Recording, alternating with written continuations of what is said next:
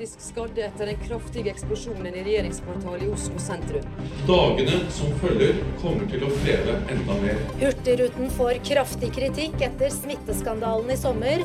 Folk ble ikke testet i tide, mistanke om smitte ble ikke fulgt opp, og karantenereglene ble brutt. Det blir en uh, lang vei for oss. Jeg har svikta igjen og vil si unnskyld. Jeg har et alvorlig rusproblem bestående av alkohol, narkotika og piller i forbindelse med periodevis hard festing. Men Norge har kommet gjennom vanskelige tider før.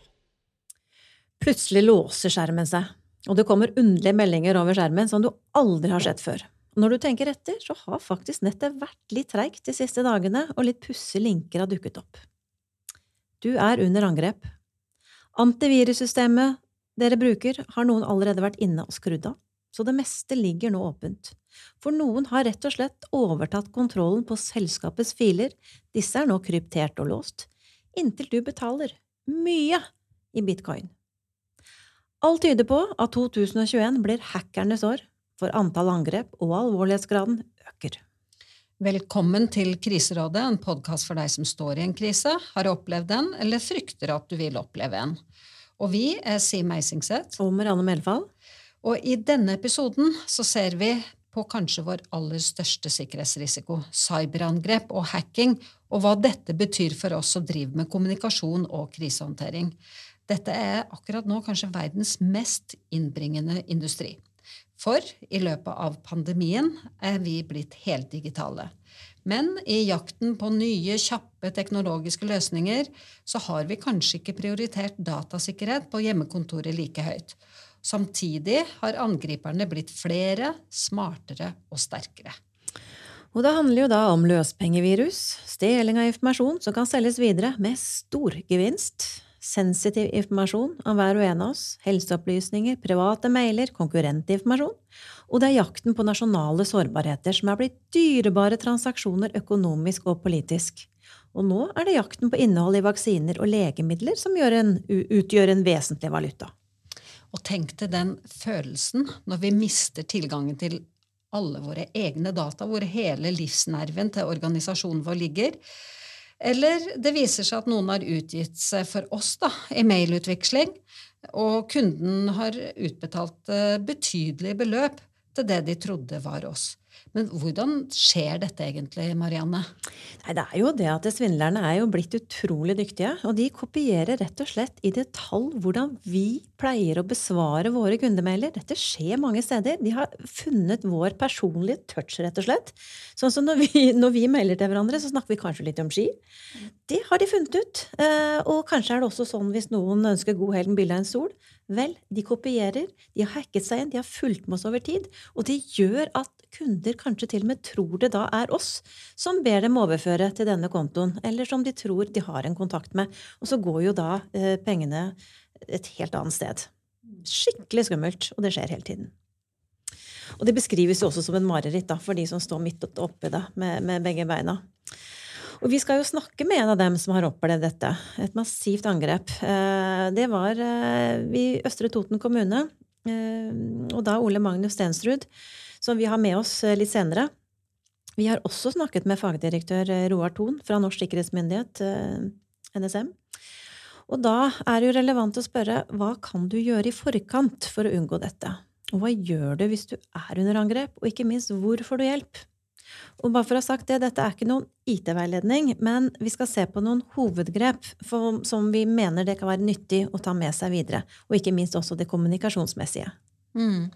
Men først, eh, selveste Stortinget opplevde jo i september i fjor at fremmede greide å ta seg inn i deres operativsystem med full tilgang til stortingsrepresentantenes mailer, referater og innhold man slett ikke ønska skulle bli delt, og i hvert fall ikke til russerne, som PST i etterkant ga ansvaret for dette angrepet.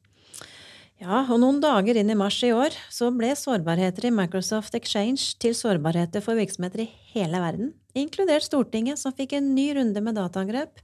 Og dette krevde jo enorme ressurser for å finne ut hva som var stjålet, og ikke minst gjenopprette sikkerheten. Og dette skjer jo hele tiden, det, da.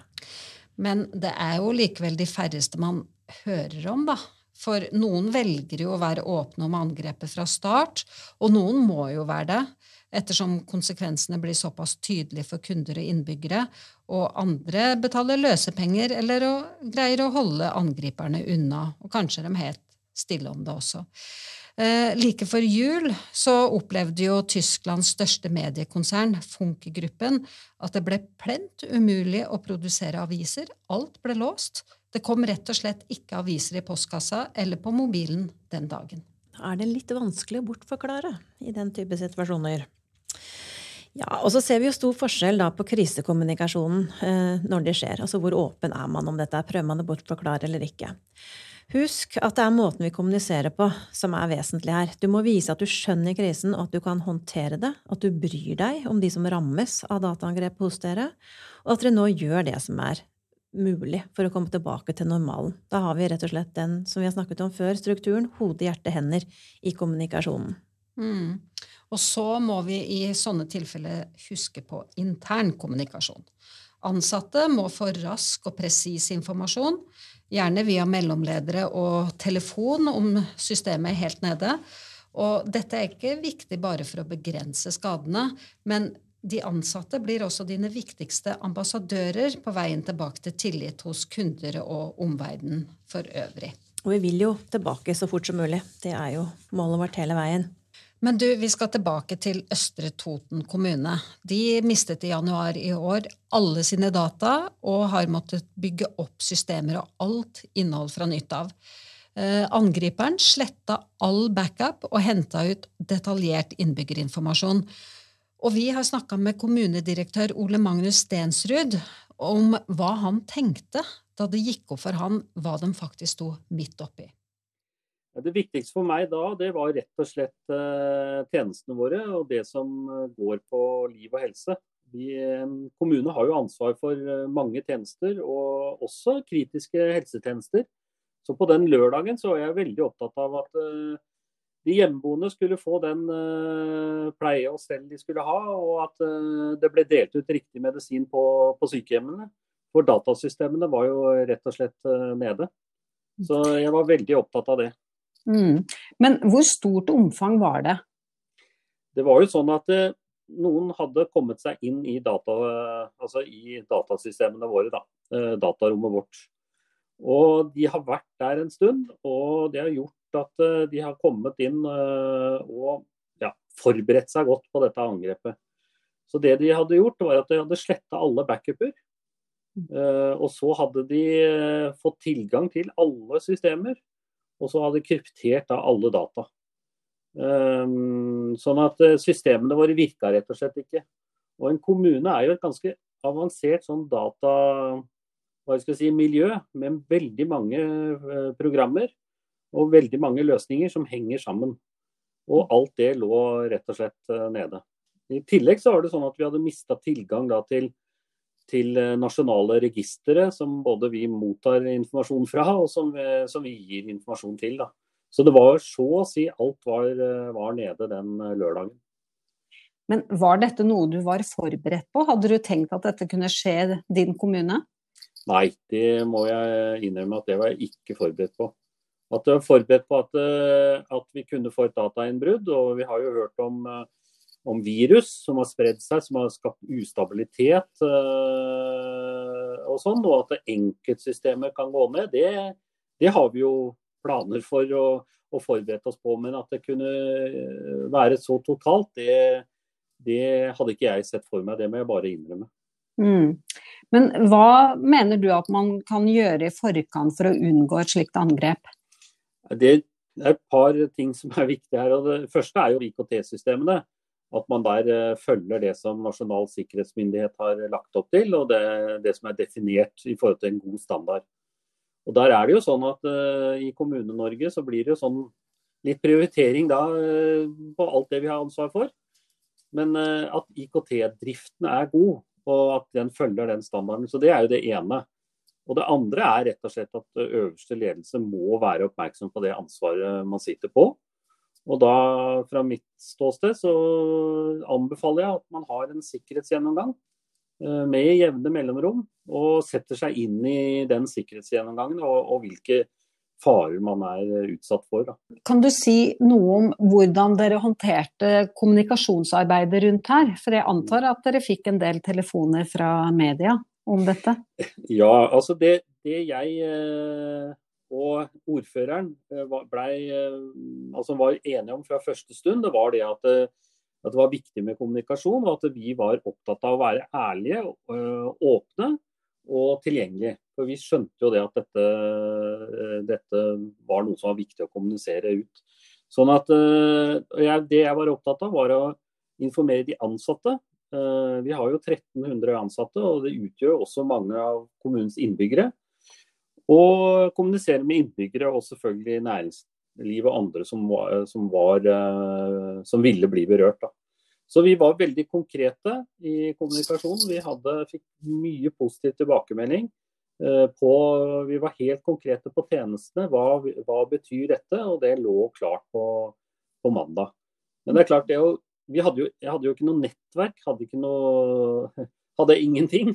Så jeg brukte en iPad og 4G-nett Eh, og sendte en, eh, en videosnutt da på sosiale medier til de ansatte og ga beskjed om at de skal møte opp på jobb på, som avtalt eh, på mandag.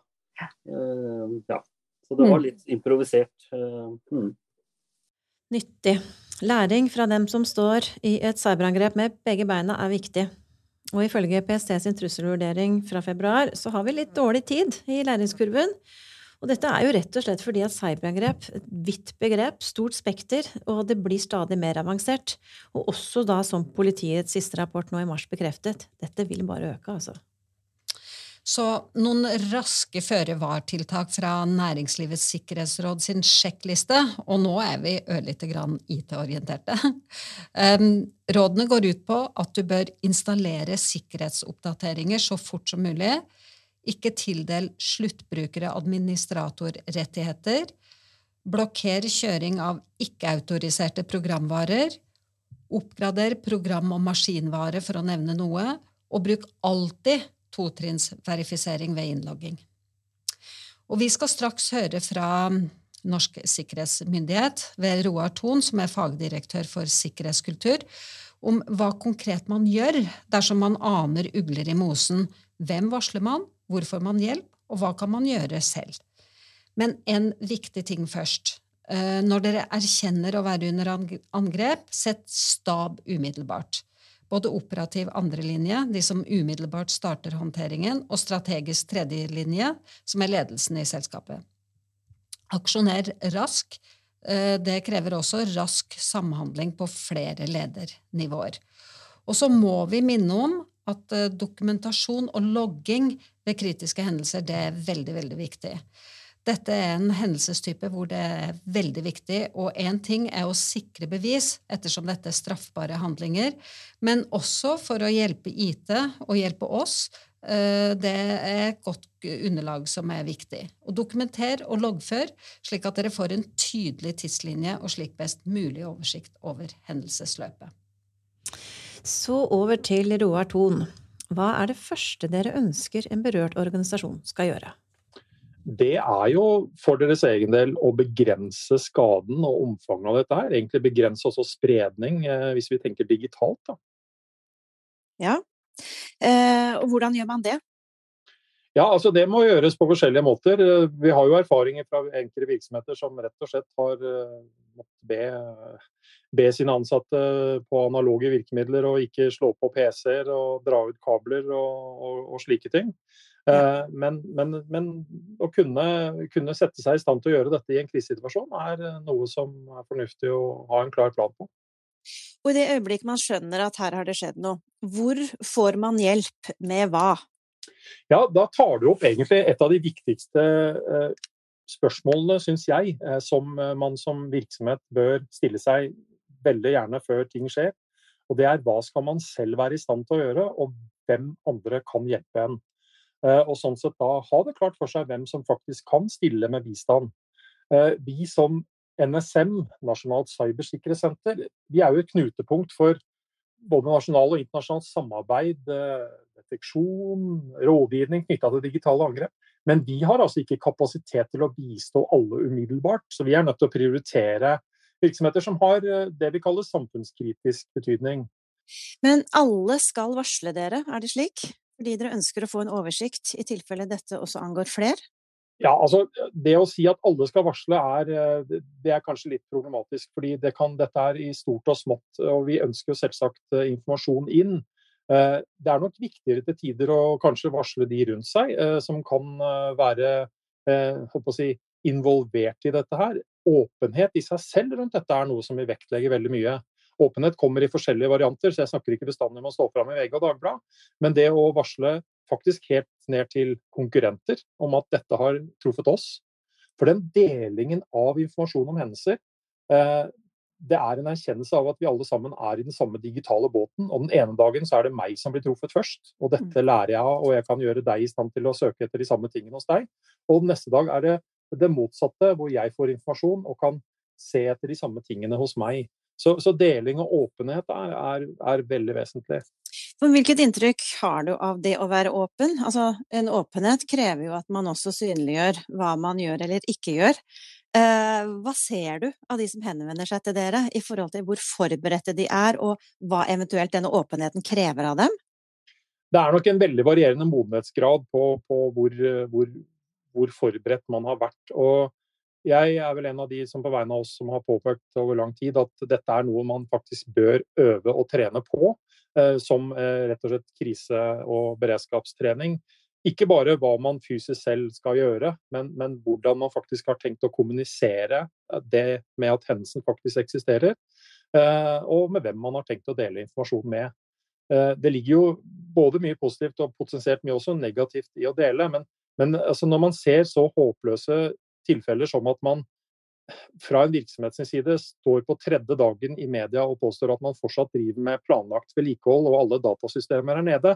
Så, så, så, De aller fleste har nok skjønt at dette ikke er vedlikehold, det er nok kanskje andre ting som ligger bak. og Troverdigheten og omdømmet er nok i større fall da enn det du er erkjenne etter ganske kort tid, at vi er utsatt for et alvorlig dataangrep. Så skal du beholde tilliten når det tross alt det verste har skjedd, så er det skjerpings på krisekommunikasjonsfronten også, som du da tenker er ganske lurt? Uten tvil, det å påstå det jeg akkurat sa nå er like dumt som å stå bak fabrikken din som er i full fyr og påstå at dette er også planlagt likevel. Ikke sant. Du tenker også, hvis man da opplever dette, hvordan kan man vite at man er under angrep? Hva, hva er de der åpenbare tegna som, som, dere ser og hører og vet kommer? Ja, altså den, den, mest alvorlige i disse dager som blir veldig synlig, er jo såkalt løsepengevirus. Altså hvor man i realiteten da krypterer alt som er av informasjon, og alt av systemer og, og, og, plattformer går ned. Og det blir veldig tydelig at man er utsatt for noe, og man får i tillegg eh, et hyggelig, lite hyggelig eh, anmodning om å betale penger for å få kontrollen tilbake. Eh, og så kan jo sånt skje absolutt i det skjulte, hvor man eh, ikke nødvendigvis oppdager at man er utsatt for noe over, over lang, lang tid.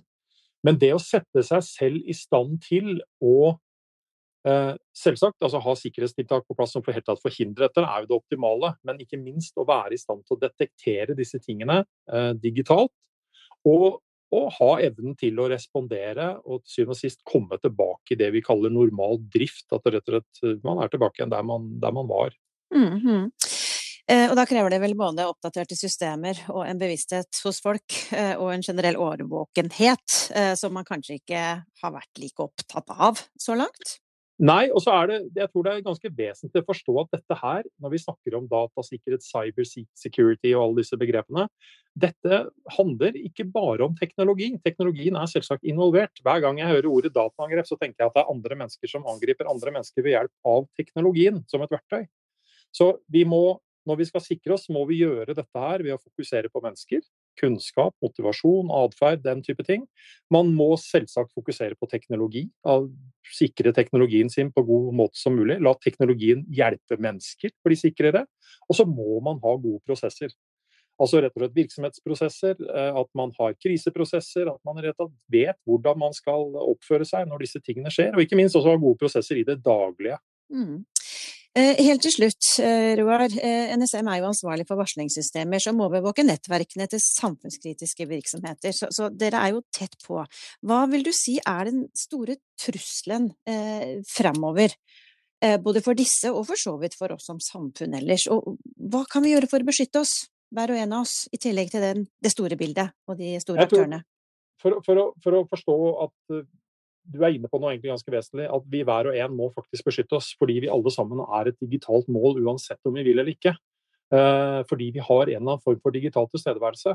Og en av de viktigste tingene jeg tror å erkjenne da, det er at, eller i hvert fall forstå, det er at veldig mye av det som skjer i dag, av det vi kaller liksom dataangrep og den type ting, det skjer helt tilfeldig. Det skjer altså fra hackere, kriminelle miljøer osv. som ikke vet hvem du er, hvor du bor, hva du driver med, hvor mye verdier eller penger du har på konto. Men du er en av de eh, mindre heldige som akkurat den dagen får en e-post med en vedlegg eller link eller et eller annet som forsøker å sette i gang noe du absolutt ikke ønsker skal skje. Uh, og det å erkjenne at dette rett og slett kan treffe oss når som helst helt tilfeldig, er viktig i seg sjøl. Og så finnes det selvsagt situasjoner hvor ting som skjer er målrettet, hvor det plutselig handler om hvem du er, hvor du jobber, hva du har tilgang til, hva slags virksomhet du driver osv. Så, videre.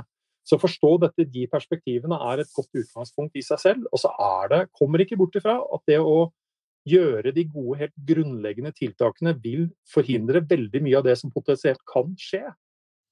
Ja, tusen takk til Roar Thon, og vi kan jo også varmt anbefale NSM sine konkrete råd på deres nettsider. Absolutt. Og så finnes det jo mange spesialister da, på IT-håndtering ved denne type angrep, og som hjelper dere å isolere og avgrense tilgang for angriperne, og redde det dere kan. Dere vil sannsynligvis også trenge gode jurister når verdiene skal reddes. Og så er det flere forsikringsselskaper som tilbyr såkalt cyberforsikring, som inkluderer eksperthjelp og mulighet for erstatning. For konsekvensene av et angrep kan eh, fort bli veldig, veldig dyrt. Så til slutt våre tre råd som kanskje oppsummerer noe av det vi har gått gjennom i dag. 1. Gjør sikkerhetssjekken i en virksomhet mens det ennå er tid. Beskytt og oppgrader systemene deres, og involver også ansatte i opplæringen, slik at alle kan ta sin del av ansvaret for å holde skurkene unna. Og råd nummer to søk ekstern hjelp raskt. IT-eksperter fins, og Norge har mye kompetanse på håndtering, så bruk dem. Og husk at denne type hendelser er svært utmattende, så sørg for å ha flere vaktlag klare. Og øv nå, da, på scenarioer som involverer dataangrep. Ha gode planer, vær forberedt, og på tærne også i forhold til god krisekommunikasjon. Da er det lettere å være åpen og ærlig om det skjer.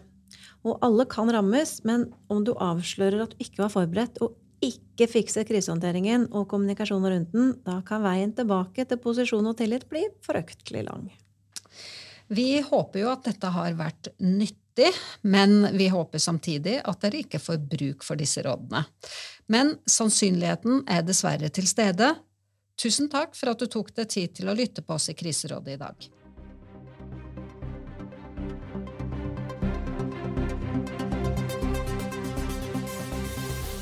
Podkasten Kriserådet, teknisk tilrettelagt av Eteren AS.